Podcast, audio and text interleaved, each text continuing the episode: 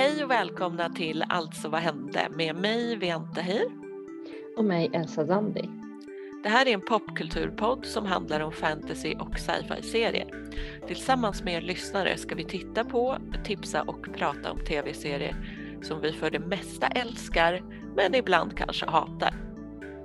Vi pratar om det som händer i tv-serievärlden men framför allt serierna vi tittar på och vi analyserar dem ur ett normkritiskt perspektiv.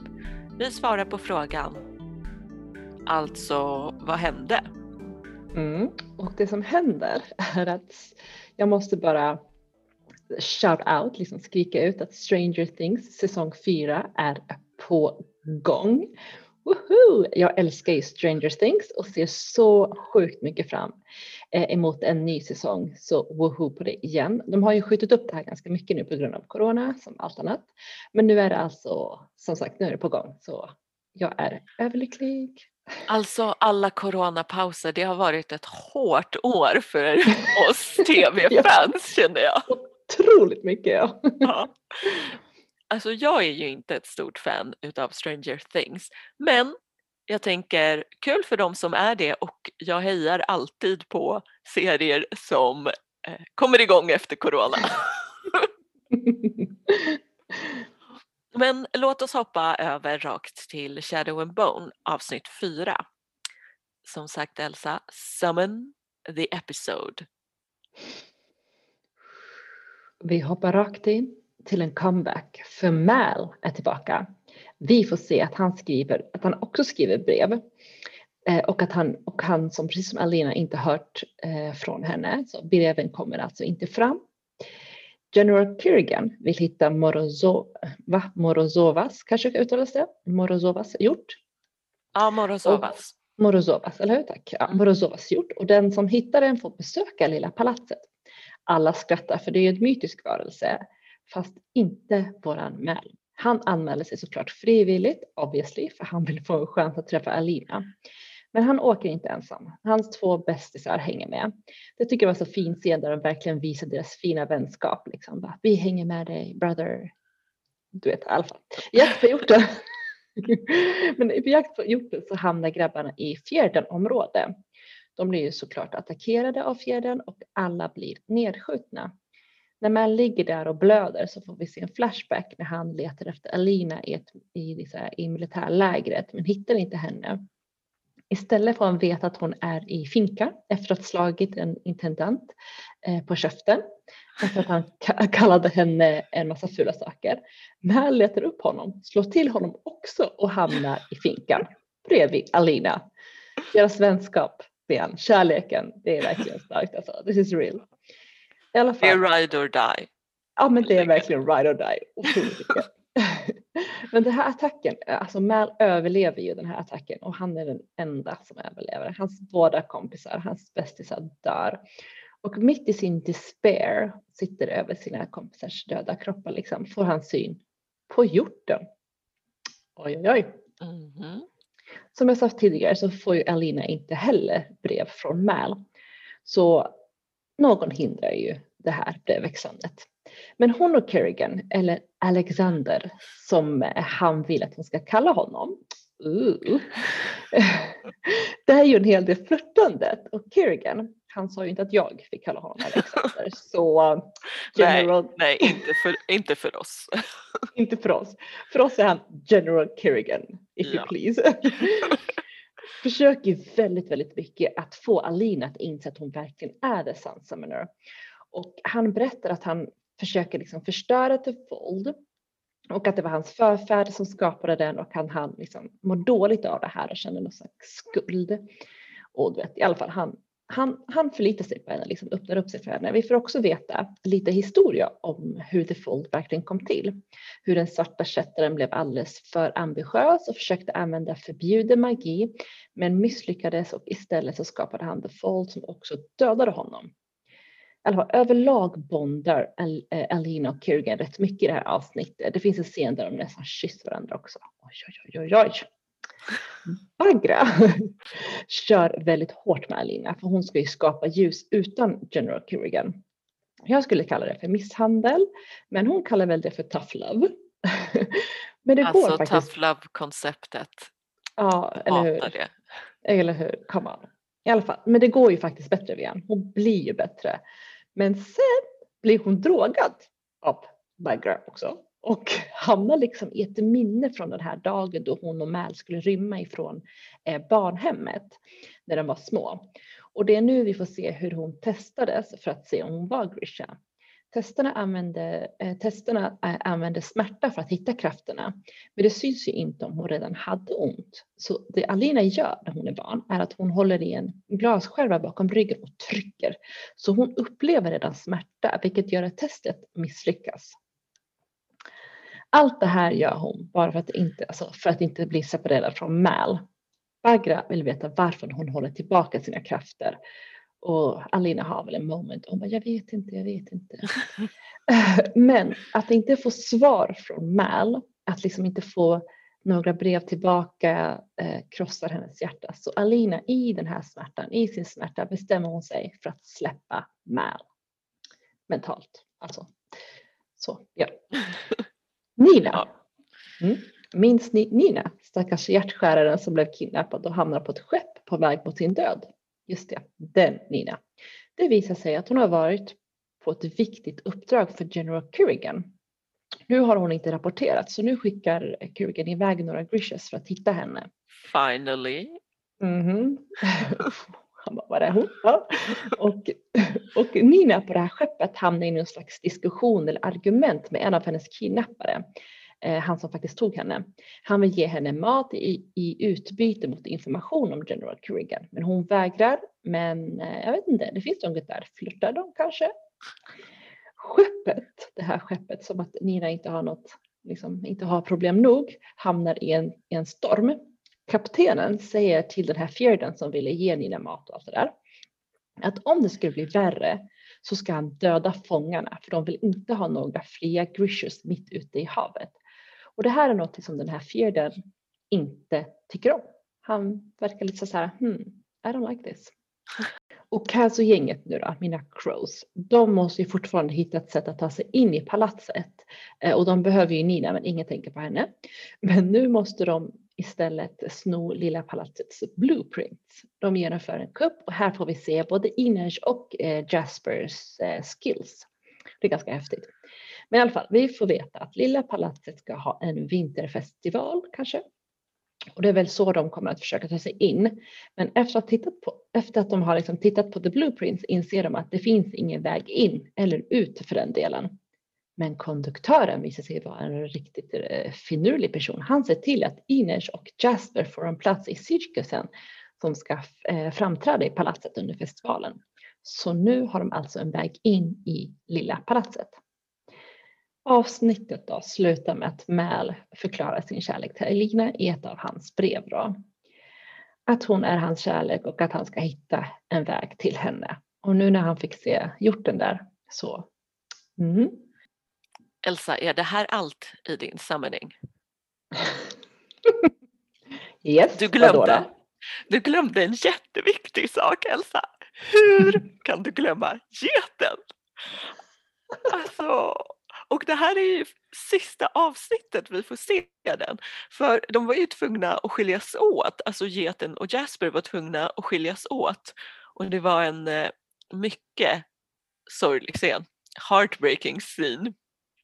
Jasper lämnade ett halsband med en hylsa på och kanske, kanske en av dem som eh, var från när han sköt The Volcry. Jag vet inte men jag tror det. Alltså, det borde ju vara en perfekt minnessak. Eh, och så sa han, alltså de, de utbytte blickar, I'll never forget you. Hela den här grejen. Heartbreaking. Heartbreaking.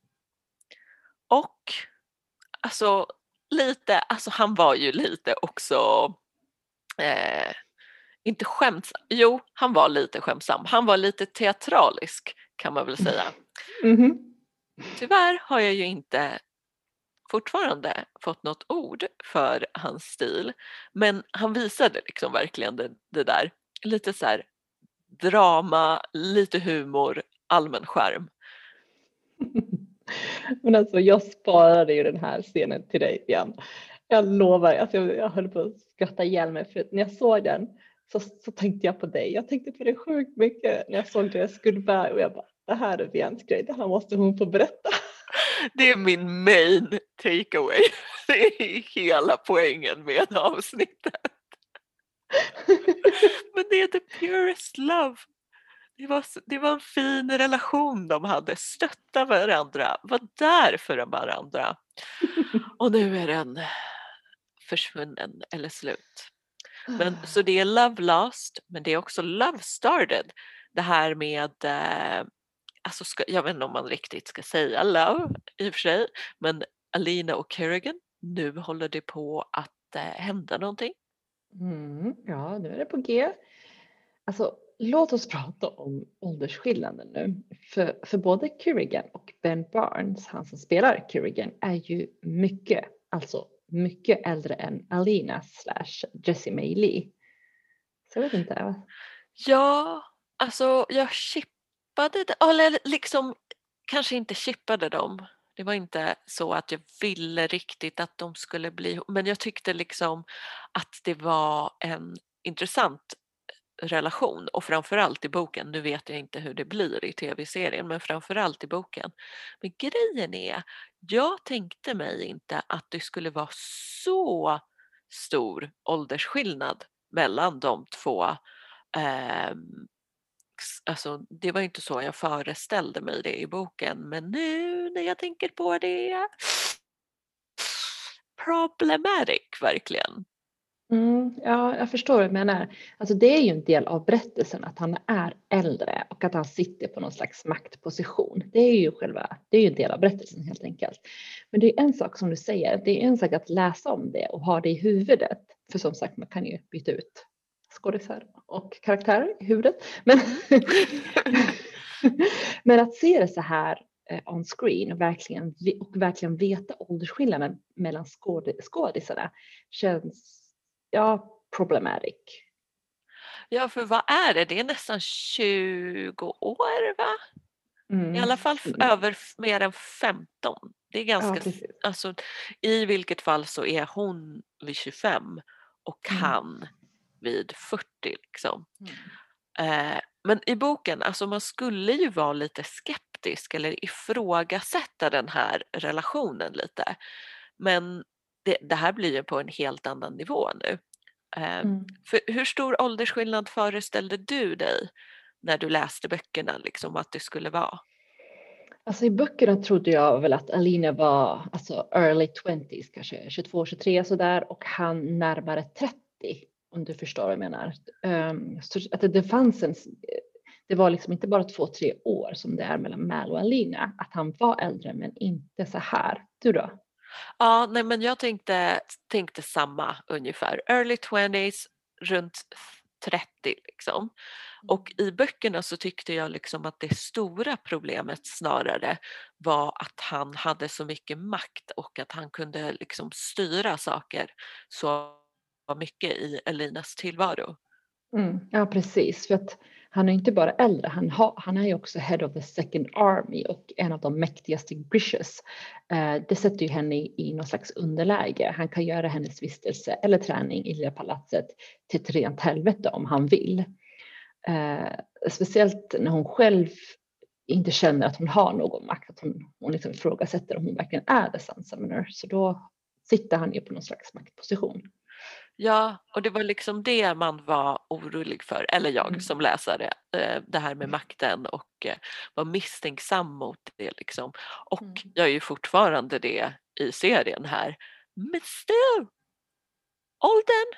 Mm. Ah, alltså jag tycker att åldersskillnad liksom blir problematiskt oavsett om det är skådisarna in, in real life eller karaktärerna och eh, som du säger så är det ju den här maktskillnaden.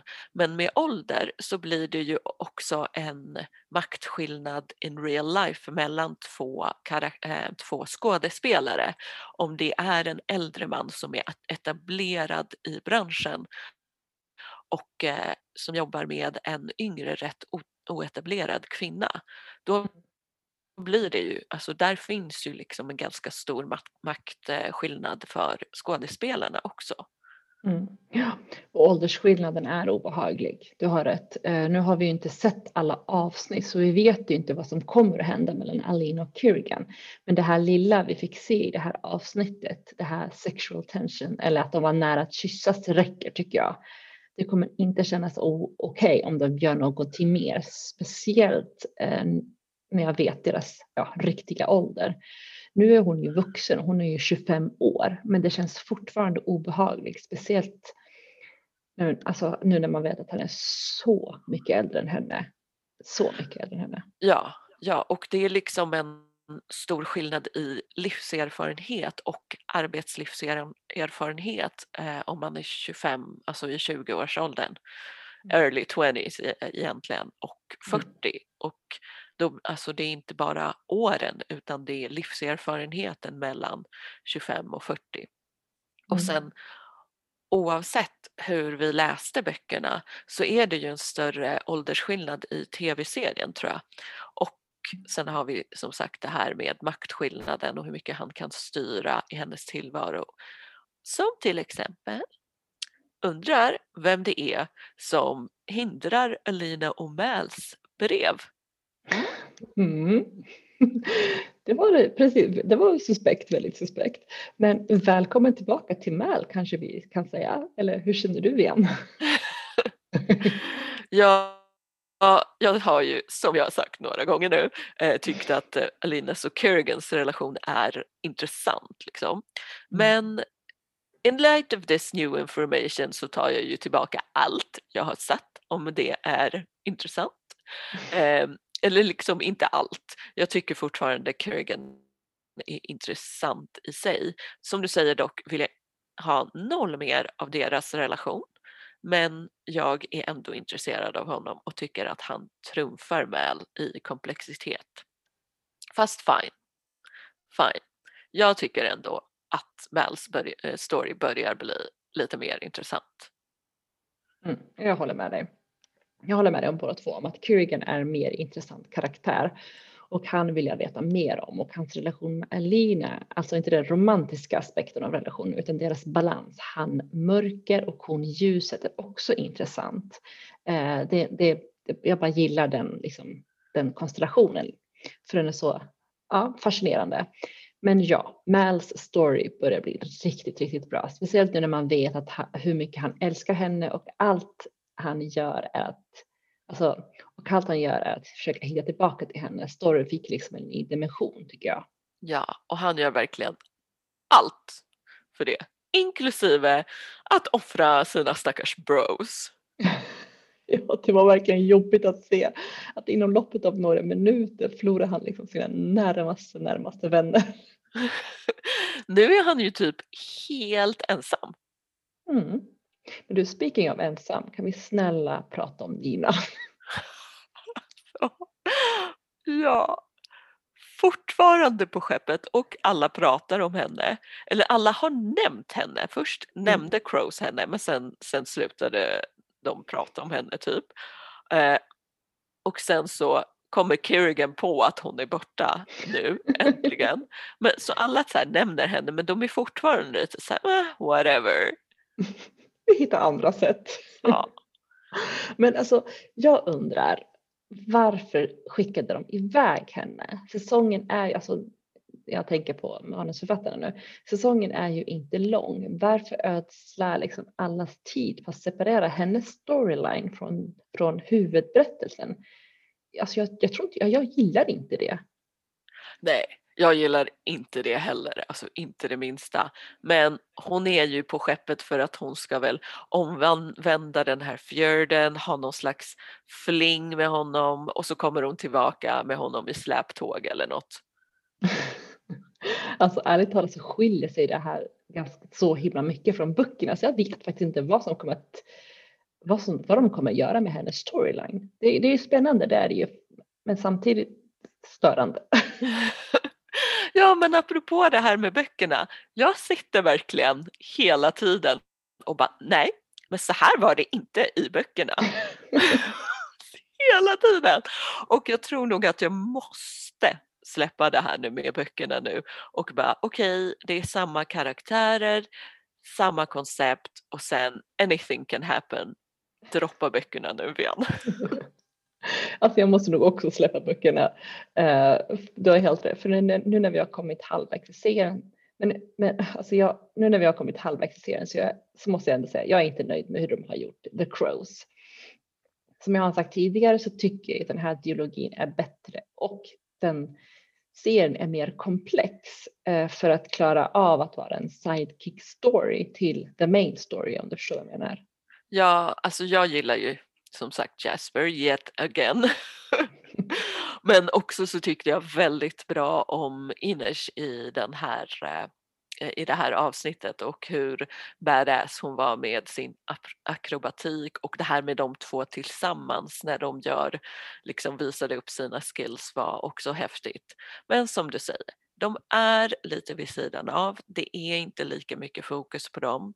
Nu heter ju serien eh, Shadow and Bones så de har ju fokus där men varför är Six of Crows i sådana fall med där alls?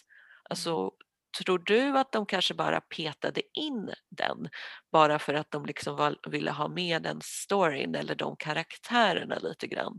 För det känns som att det är lite fan-pleasing att man ska få med alla fans eh, för båda bokserierna. Liksom. Alltså det var en intressant tanke, för, för, som jag har förstått det så är det typ lite det ena eller det andra. Alltså antingen gillar man Shadow and Bone och är lite med till The Crows eller tvärtom som jag.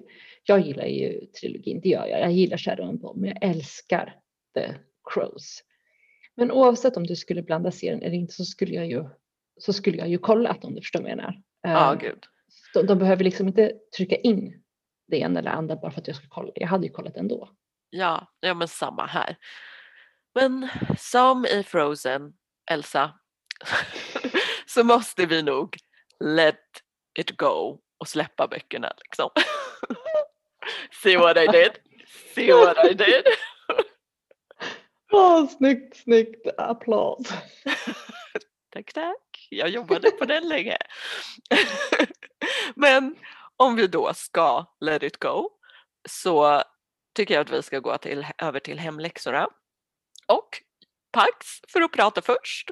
Alltså jag måste få prata först för nu har jag ju sett sci-fi avsnittet eh, och for the record så klarade jag, eller jag fortsatte ju till nästa avsnitt men jag klarade verkligen inte av att titta på hela. Och ni som följer oss på Insta kanske såg bilden som förklarade varför jag bara nej nu stänger jag av. Så sci-fi avsnittet.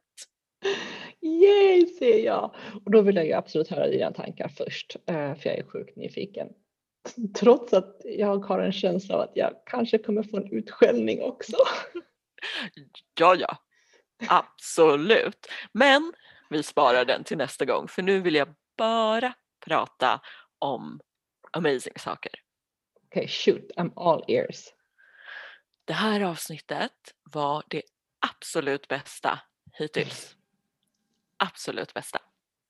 Short summary, det är att eh, de har eh, det är lite olika stories och så vidare men Hippolyta då, hon hamnar, eh, blir indragen i något konstigt parallellt universum. Nej, inte riktigt som det. Hon blir indragen i någonting någonstans. Eh, som att en annan planet, hon blir liksom tillfångatagen av aliens. Eh, och hon tycker att liksom hon sitter fängslad medan de här eh, den här aliensen eh, säger att nej men det här är inte ett fängelse, du är inte fängslad. Vad vill du? Vem vill du vara?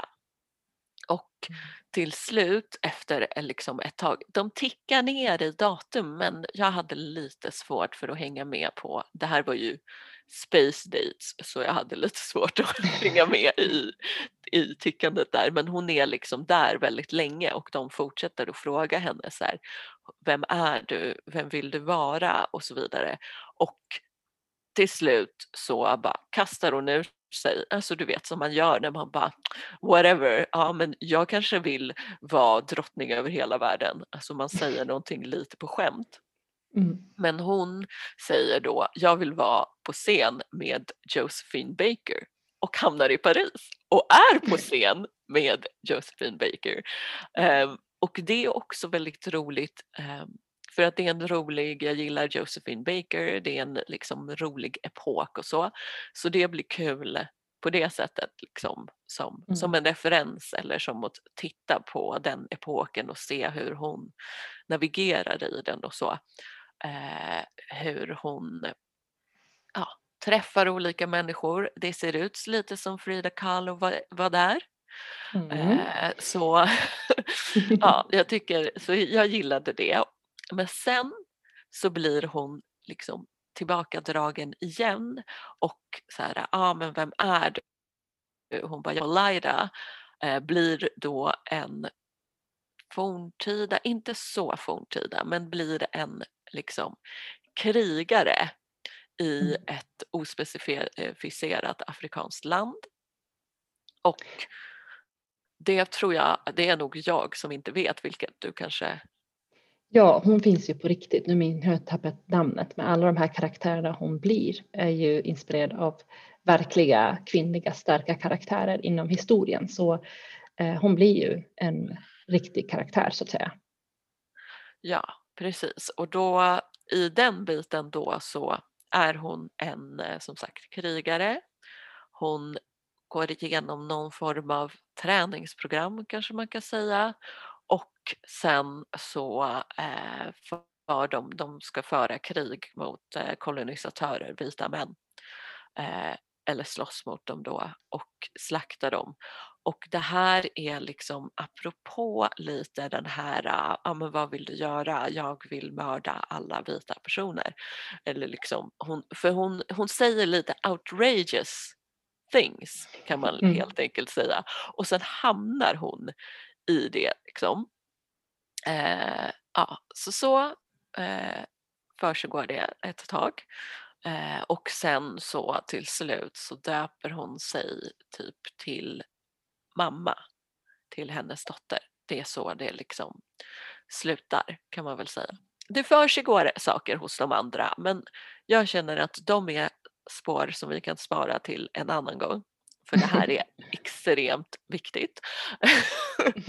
och alltså jag gillar verkligen afrofuturism och det är ju det är en genre som liksom kombinerar science fiction med någon slags histori, historia liksom lite magi ibland och sen framför allt så är det ju en, ett fokus på svarta personer i afrofuturism och kritik mot eh, vit, vita personer eller så här vithetsnormen.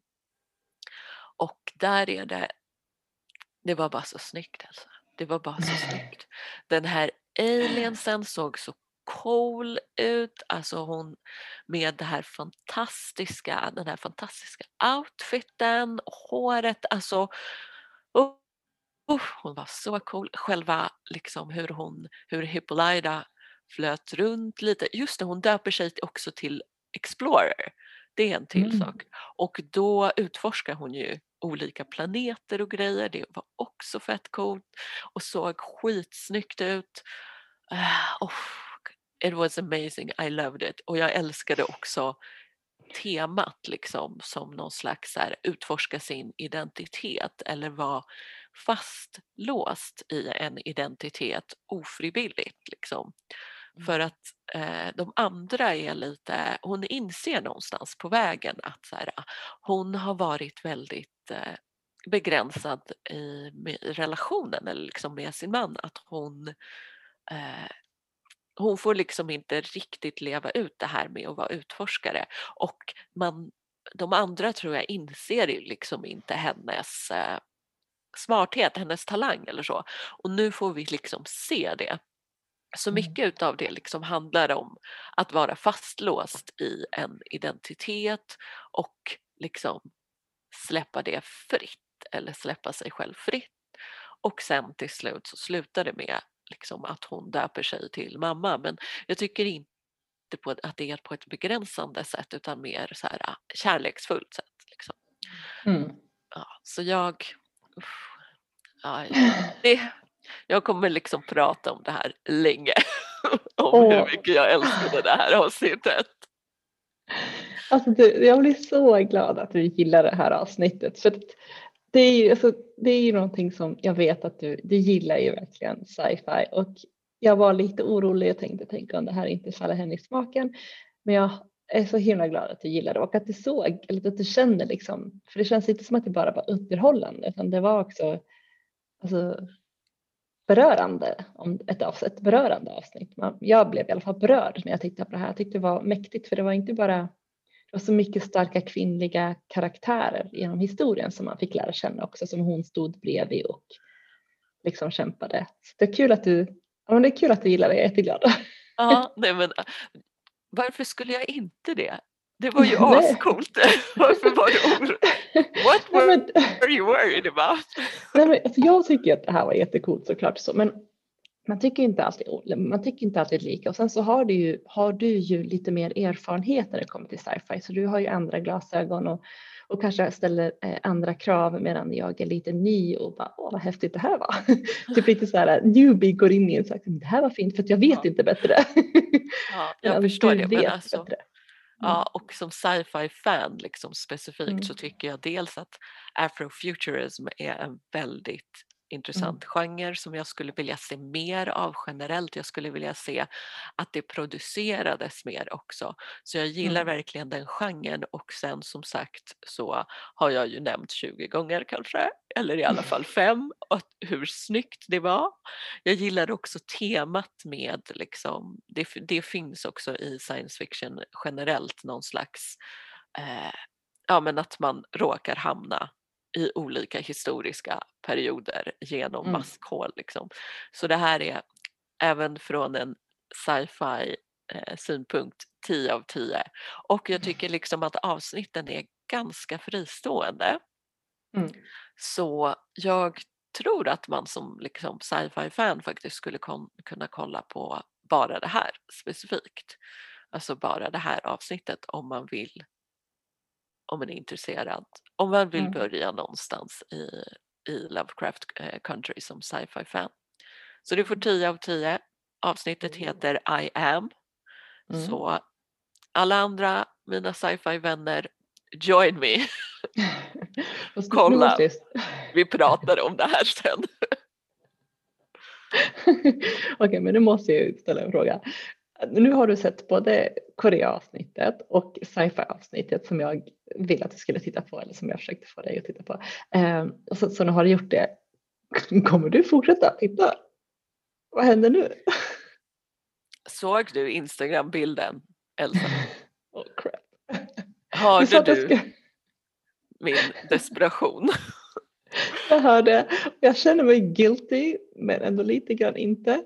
Men jag trodde du skulle spara utskällningen till nästa gång. Alltså, ja, ja, vi tar den nästa gång. Men jag vet inte om jag kommer titta vidare. Inte helt mm. säker. Jag, ska, jag tror att jag måste kämpa mig igenom nästa avsnitt. Vi får se helt enkelt nästa vecka hur du känner. Ja. Men alla är ju sci-fi idag. Du är också ute i rymden och eh, har dig. Eh, mm. hur går det? Mm. Ja, men det går bra. Jag är kvar där uppe och jag är tydligen fast i parallellt universum i Mirrorverse med allas onda tvillingar typ, the evil twins av alla karaktärer. uh, får se nu. Jo, vi fick ju träffa uh, kejsaren som då var kapten Giorgio. Giorgio? Giorgio? Giorgio. Giorgio. Ja men då så, då var det inte helt fel ute. Uh, och hon är ju lite fascist, fascistisk kejsare i det här parallella universumet. Och eh, alltså, såklart visar det sig att för att de ska kunna eh, ta sig hem och hitta några koordina, coordinations och sånt där så måste Michael, vår älskade Michael, hoppa på det här hoppa på det här eh, farty, eh, fartyget, eh, fartyget. Skeppet? Skeppet, sorry. Skeppet och eh, vet det, ta dem från eh, liksom, därifrån. Så hon måste djupare in i sin eh, onda tvillings psykus. Liksom. Ja, men det var väldigt, väldigt intressant. Det hände ännu en twist. En twist som jag faktiskt inte alls var eh, förvånad över. Det, det gjorde mig inte så jättemycket. Men Kapten Lorca visar ju sig att han inte alls tillhörde vårt universum utan han tillhör det här fascistiska universumet. Um, och att han då är ute efter att bli kejsare själv. Liksom. Uh, ja. Ta över. Ja. Shocking. Mm. Shocking. Jag var ju liksom så här, jag visste ju att han, att, jag, jag, tycker fortfarande att jag tycker han är en av, de, en av de bästa villains som jag har stött på för att han är så pass komplex och som jag sa, hans ambition både skrämmer och fascinerar mig har jag sagt tidigare. Och det fanns en, en scen där för ett par avsnitt sedan eh, innan Stamets hamnar i sin, liksom innan allt går åt helvete faktiskt. Då säger han ju, det, det är bara, vi måste hoppa en gång till bara och då säger ju kapten Lorca, jag kan, nej men jag kan inte be dig om det. Du har gjort så mycket för oss. Jag kan inte, I can't ask that of you. Och då tänkte jag, gud vad manipulativt. Jag tänkte faktiskt så, jag bara, gud vad manipulativt.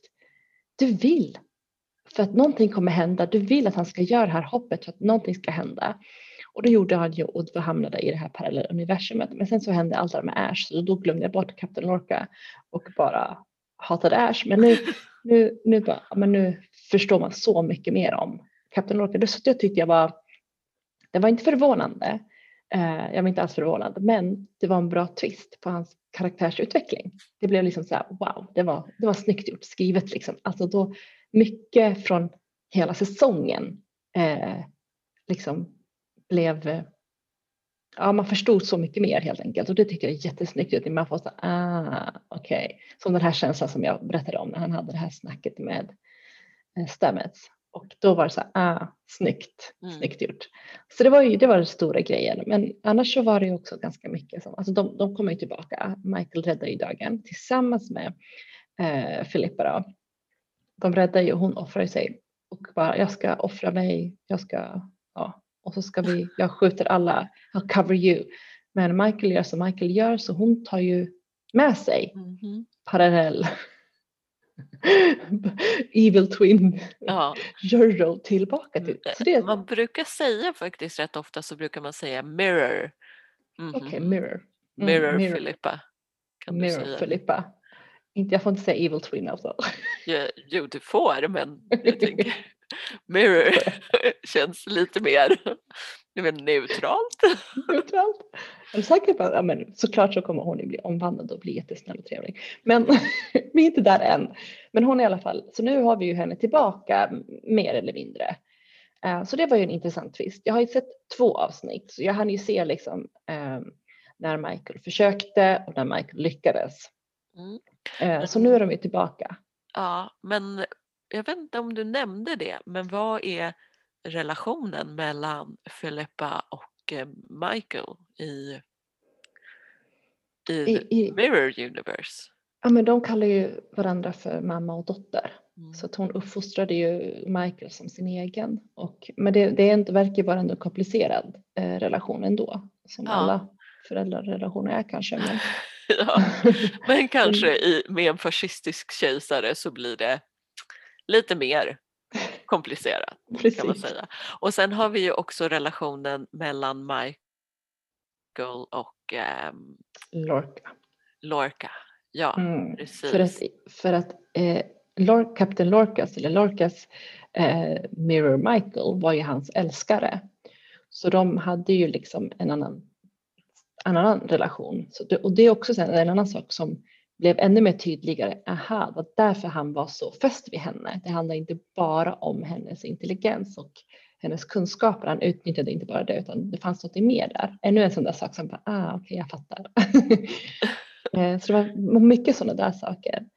Men sen Ash, jag var inte riktigt, jag förstod inte riktigt hundra procent, men Ash höll ju på att dö, eller både han och både Ash och eh, eh, Klingon som fanns i honom håller på att dö, men hon den här jätteläskiga Klingon, eh, hon kom ju till, till undsättning. Men nu undrar jag, vad, som hände, för där vet vi ju inte. Är Ash tillbaka? Jag kommer aldrig lita på Ash. Det kommer inte Michael heller göra. Så han är ju bränd liksom. Men kommer han tillbaka till sig själv? Eller vad var det som hände? Så det är också intressant som jag vill veta liksom mer om. Um, så. Men, han, men jag tror ju, jag tror ju Ash liksom är bränd. Liksom. Han kommer inte finna, ja, det går ju liksom inte. Ja, jag förstår. Ja, Men förstår det här är ju ytterligare ett tillfälle då jag är väldigt lättad över att du äntligen vet vem Lorca är och hur shady och evil han är. Det känns väldigt skönt. Det har jag också behövt hålla masken för så länge. ja, snyggt gjort, snyggt gjort. Men, men ja, det var, det var liksom de två, det var den så stora, stora grejen som hände liksom att Lorca visade sig vara ja, riktigt, riktigt evil och eh, ja, vill ta över världen, eller det universumet i alla fall. Och sen så eh, att eh, nu har vi liksom Mirror eller Evil Twin Filippa med i vår, i vårt universum och det, ja, Oj, ja, så det. Den mm. oj, grejen eh, känner jag också var en, alltså förstår du med den grejen hur länge jag har behövt hålla masken. Från första gången vi pratade om Star Trek Discovery. Ja, När du var besviken över att den skådespelaren försvann och jag visste att hon skulle komma tillbaka som en fett intressant karaktär. Jag bara, nej, var tyst Vian, ja. var tyst. Var tyst. Ja, sjukt snyggt gjort. Men jag är som sagt, jag kan ju garantera att jag kommer i alla fall se, jag kommer titta vidare, det kan jag ju garantera. Så jag måste ju veta vad som händer. Mm. Så jag tittar vidare. Du tittar i alla fall på finalen, det är bra. Absolut, absolut. Jag ska också anstränga mig, det är, det är inte mer än rätt. Tack så mycket. Kommer jag få en utskällning av Vian nästa vecka på grund av Lovecraft Country? Hur länge kommer jag behöva hålla masken för Elsa om Star Trek Discovery? Kommer vi äntligen släppa böckerna och fokusera på tv-serien? Hur går det för er med serierna? Hör gärna av er på Instagram, Facebook och eh, Twitter där vi självklart heter att alltså vad hände. Du har lyssnat på Alltså vad hände med mig Vian Tahir. Och mig Elsa Zandi. Vi hörs nästa tisdag när vi pratar vidare om Shadow and Bone, Lovecraft Country och Star Trek Discovery.